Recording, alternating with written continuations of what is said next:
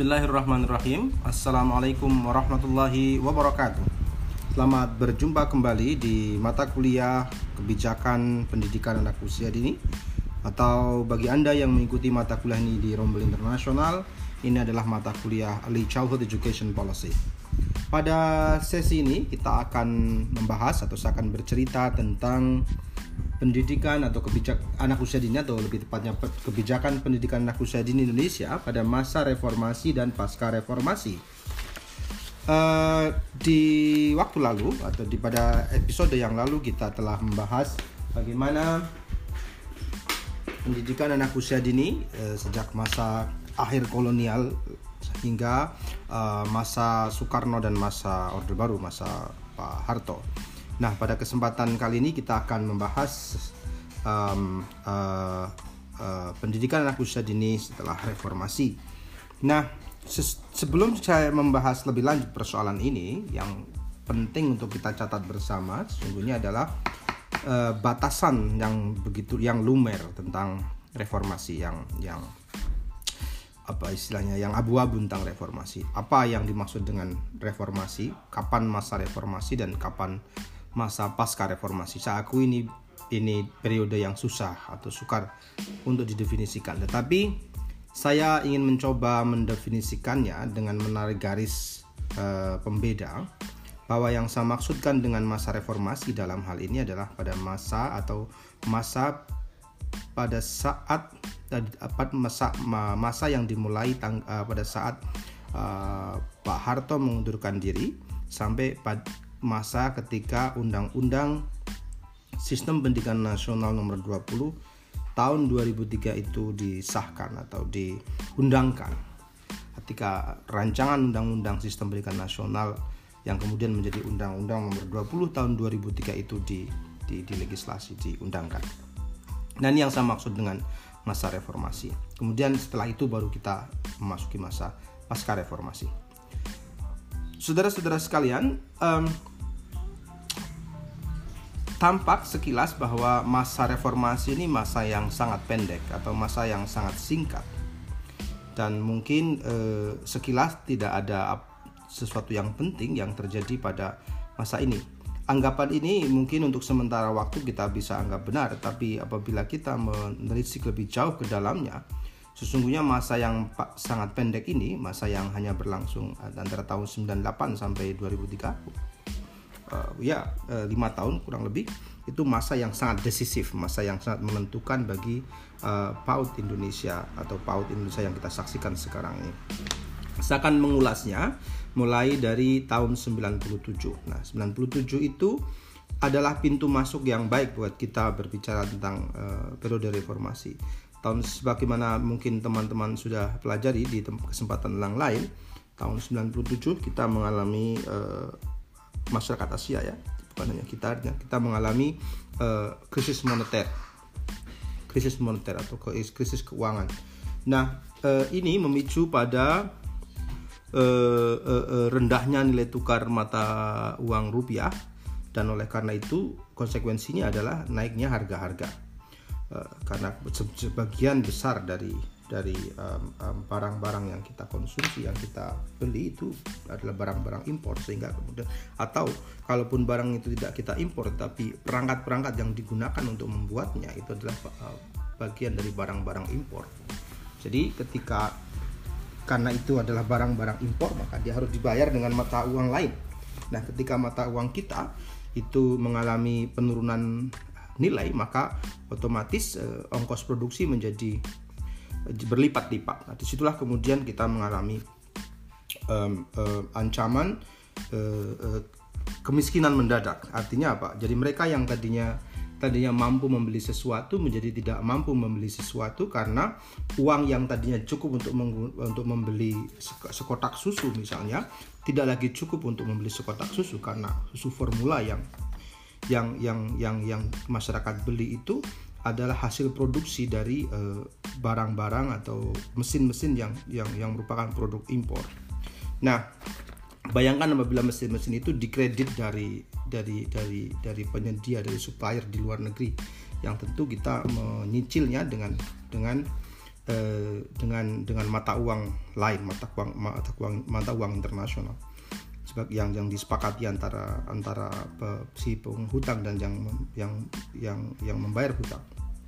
Nah, maka kemudian akibatnya adalah masyarakat menjadi kehilangan daya beli eh, dan oleh karena masyarakat kehilangan daya beli ada ancaman krisis nutrisi khususnya pada keluarga-keluarga yang memiliki anak-anak di bawah usia lima tahun atau anak-anak balita. Nah, ada ancaman eh, masyarakat yang memiliki anak-anak usia dini tidak mampu lagi menyediakan nutrisi yang sehat untuk untuk anak-anak mereka. Nah, dari sini awal mula pikirannya.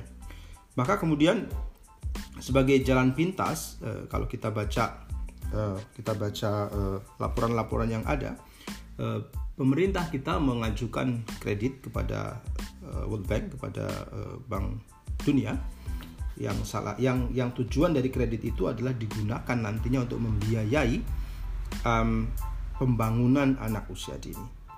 Pembang sebutannya waktu itu adalah pembangunan anak usia dini, uh, early childhood development. Nah, kom, pendidikan atau pautnya paut dengan P sebagai pendidikan hanya menjadi salah satu komponen daripada uh, ECD atau uh, pembangunan anak usia dini, early childhood development.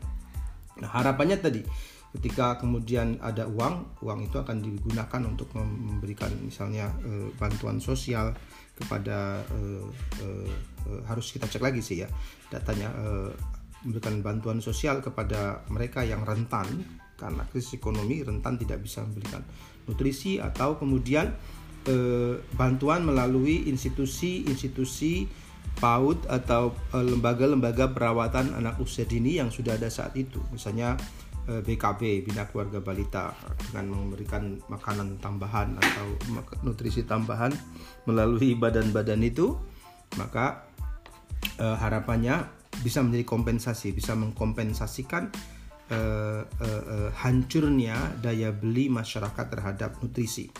Nah, itu awal mulanya dan nanti belakangan kita akan jadi tahu bahwa kenapa ada PAUD holistik integratif karena tadi karena uh, ada pikiran bahwa bahwa uh, pengembangan anak usia dini tidak cukup hanya bagian nutrisinya saja atau tidak cukup hanya mengurusi pendidikannya saja, bermainnya saja dan seterusnya.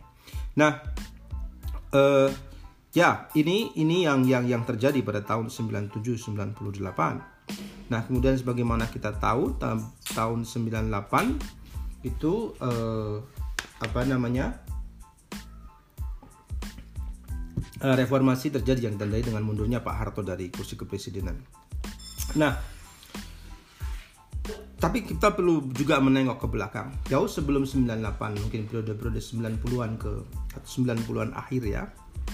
Hingga 90-an menengah ke tengahan itu uh, sudah mulai muncul tuntutan-tuntutan untuk mereformasi undang-undang pendidikan nasional kita undang-undang pendidikan nasional, pendidikan nasional kita kalau anda, anda bisa cek undang-undang nomor 2 tahun 89 dianggap sebagai lebih tepat disebut sebagai undang-undang persekolahan daripada undang-undang uh, pendidikan karena lebih banyak mengatur sekolah daripada pendidikan lebih banyak mengatur belajar daripada pendidikan dianggap semacam itu.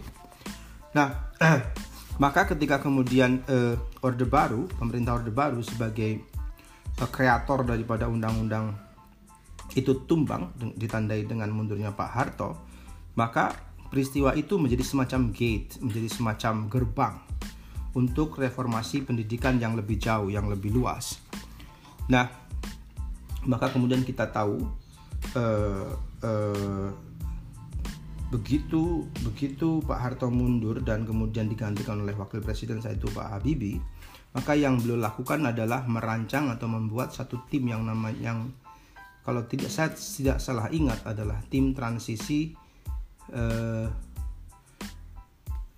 nasion transisi bangsa transisi nasional menuju masyarakat madani. Nah, kemudian beberapa kali diubah keanggotanya sehingga kemudian muncullah uh, sek, uh, section atau apa uh, seksi atau uh, bidang di dalam tim ini yang mengurusi pendidikan. Kelak kemudian uh, mereka yang tergabung di dalam atau pikiran-pikiran yang di, diidentifikasi dalam tim inilah yang kemudian mendorong lahirnya rancangan undang-undang pendidikan Undang-Undang Sistem Pendidikan Nasional yang kemudian tahun 2003 baru disahkan menjadi undang-undang. Nah, menarik eh, kalau kita melihat dokumen-dokumen itu, Anda akan menemukan bahwa berkali ulang eh, berganti-ganti, tapi yang jelas eh, kemudian pendidikan anak usia, anak usia dini diakomodasi di dalam rancangan-rancangan yang ada meskipun mula-mula tidak digunakan istilah pendidikan anak usia dini, masih digunakan istilah pendidikan prasekolah, mempertahankan istilah yang digunakan di dalam Undang-Undang Sistem Pendidikan Nasional uh, nomor 2 tahun 89. Nah, tetapi kita tahu uh, tahun 2000 ya, tahun 2000, jadi dua tahun kurang lebih dua tahun setelah reformasi ada sebuah pertemuan internasional di Dakar di Senegal.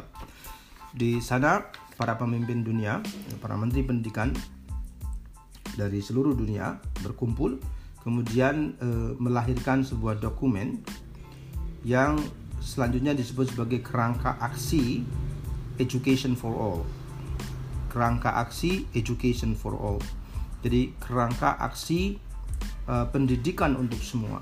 Perlu dicatat pada tahun 90, tahun 1990 ada pertemuan serupa di Jomtien di Thailand yang melahirkan deklarasi Education for All.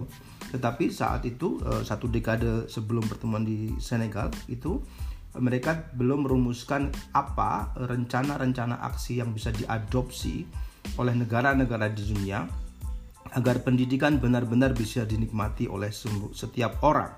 Semua anak di dunia ini bisa mengakses pendidikan.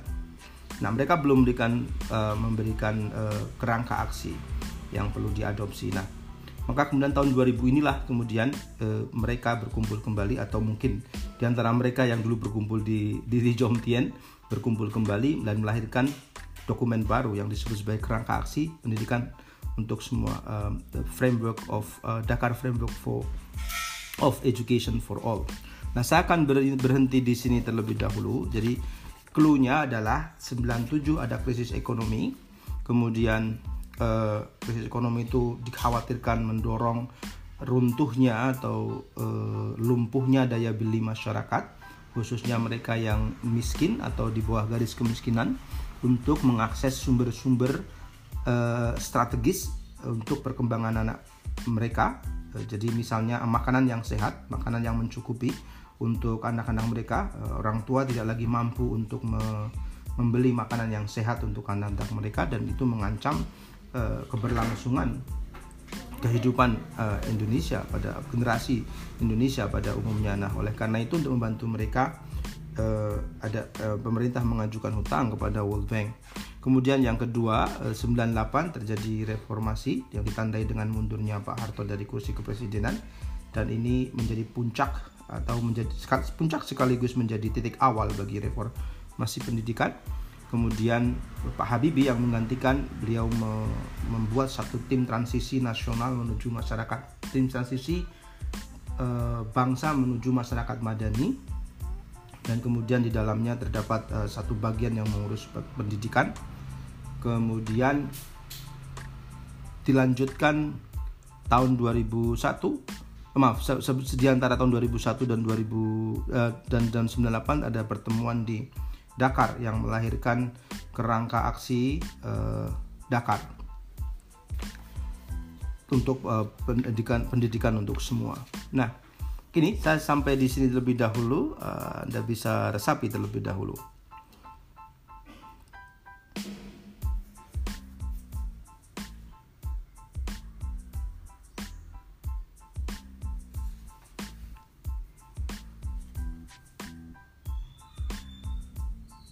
Baik, kita lanjutkan sekarang ya.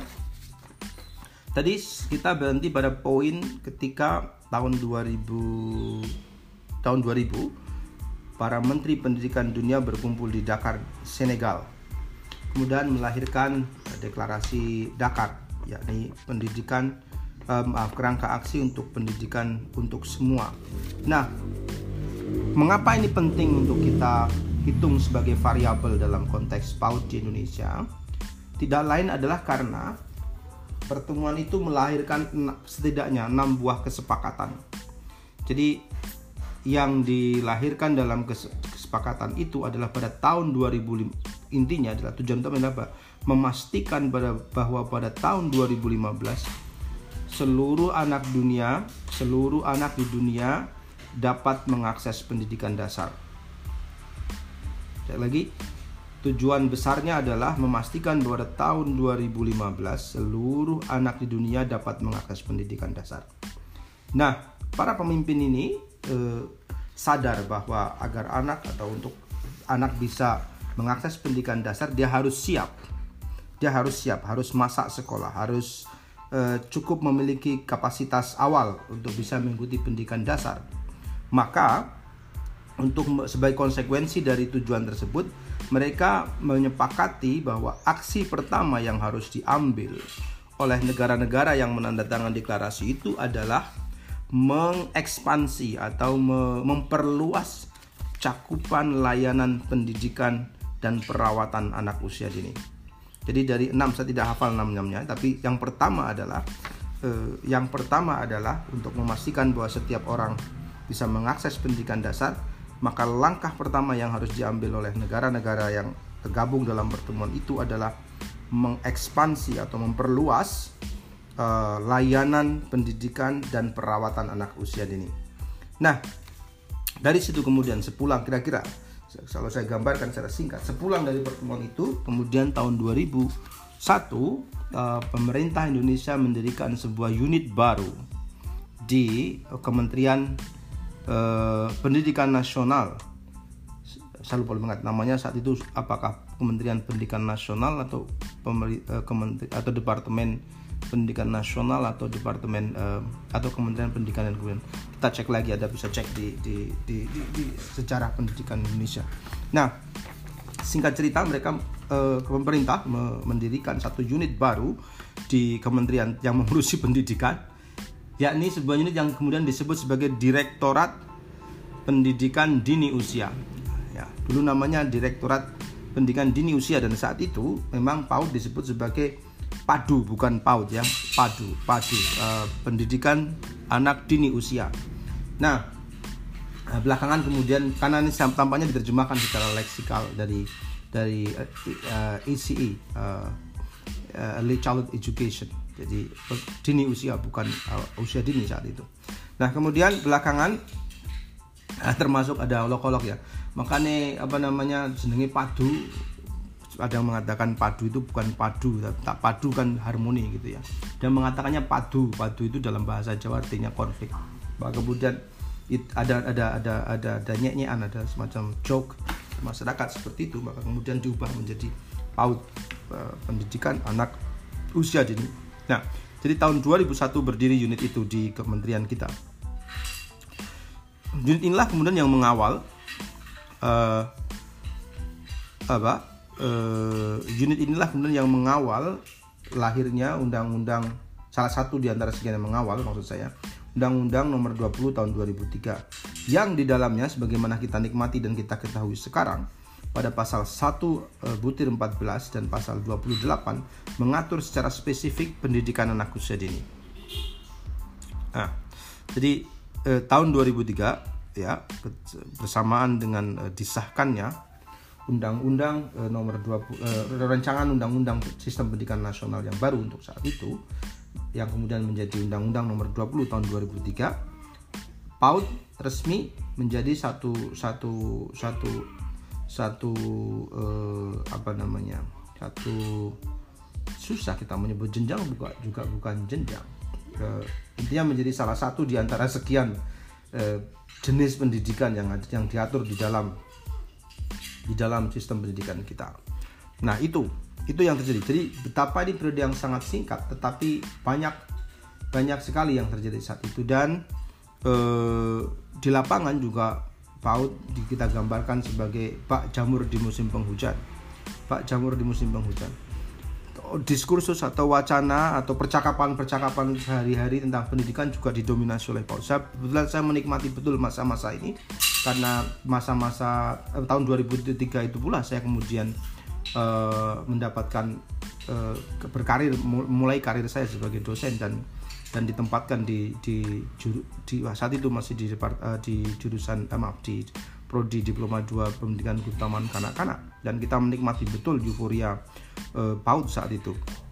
Um, kita masih ingat betapa kemudian nama-nama mata kuliah yang semula masih menggunakan nama taman kanak-kanak diubah menjadi anak usia dini semua anak usia dini. Percakapan percakapan ada forum-forum pendidikan isinya dibicarakan pendidikan anak usia dini.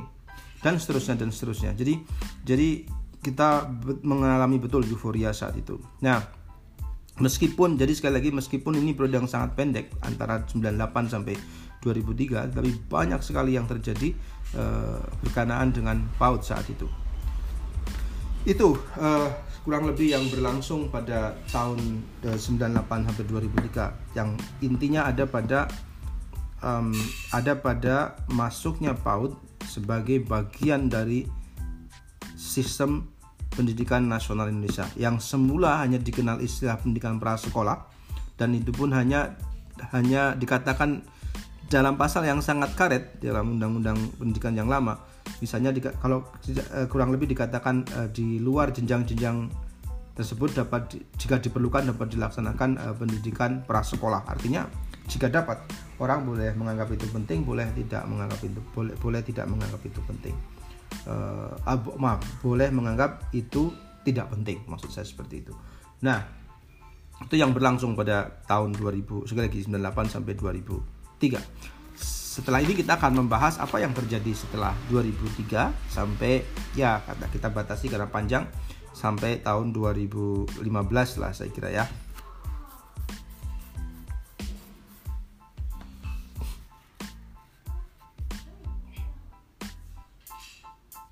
Baik, kita lanjutkan di uh, obrolan kita. Ngobrol sama siapa emang saya? Uh, saya lanjutkan monolog ini. Uh, ya, kita tadi berhenti di tahun 2003. Nah, eh, segera setelah Undang-Undang Pendidikan Nasional yang baru diluncurkan, tahun 2004, ya, eh, maaf, sebelum saya bicara soal ini, segera setelah itu maka muncul bermunculanlah ya pusat-pusat PAUD baru pusat-pusat PAUD baru. Dan karena ada euforia bahwa isi, dengan euforia dengan istilah pendidikan anak usia dini, maka yang muncul di masyarakat adalah bahwa PAUD bukan TK, TK bukan PAUD. Maka bisa jadi sebuah uh, di, di sebuah jalan misalnya Anda akan melihat di sebelah kanan PAUD X, kemudian di sebelah kiri adalah TKE, TKY. Misal seperti itu tapi in, mereka intinya me, menggunakan kurikulum yang mirip. Kurikulum yang mirip. Oh ya se sebelum saya lanjutkan.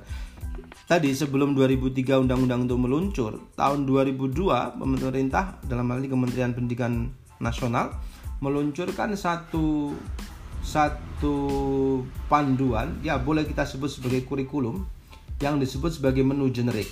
Menu generik. Anda bisa lacak uh, dokumen ini menu generik ya.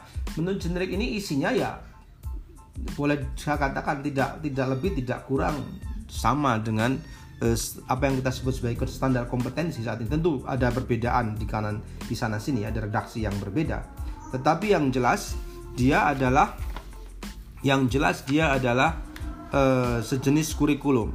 Sejenis kurikulum yang diperuntukkan bagi pusat-pusat PAUD yang lahir yang lahir ya yang lahir menyusul undang-undang atau um, um, setelah tahun 98-an ya.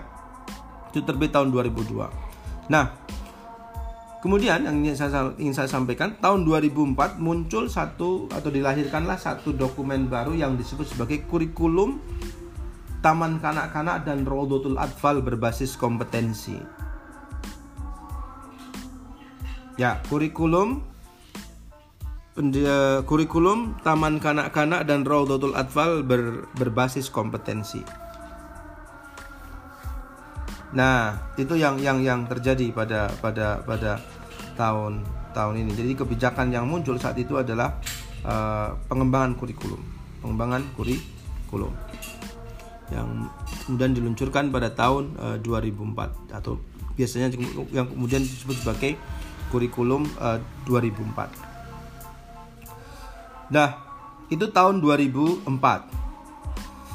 Tahun 2005 ya, tahun 2005 satu kebijakan lagi diluncurkan. Kali ini terkait dengan guru. Terkait dengan guru. Yaitu lahirnya undang-undang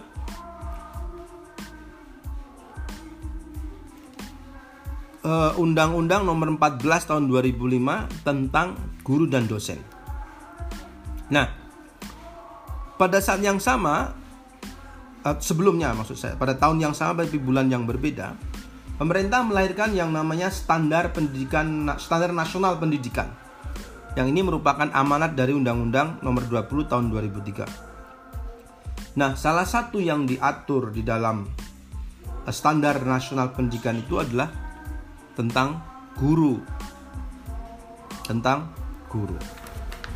Nah, saya akan berhenti di sini terlebih dahulu. E, nanti beberapa saat lagi kita akan lanjutkan dan kita akan membahas eh, kebijakan-kebijakan yang lahir pasca lahirnya Undang-Undang Nomor 20 Tahun 2003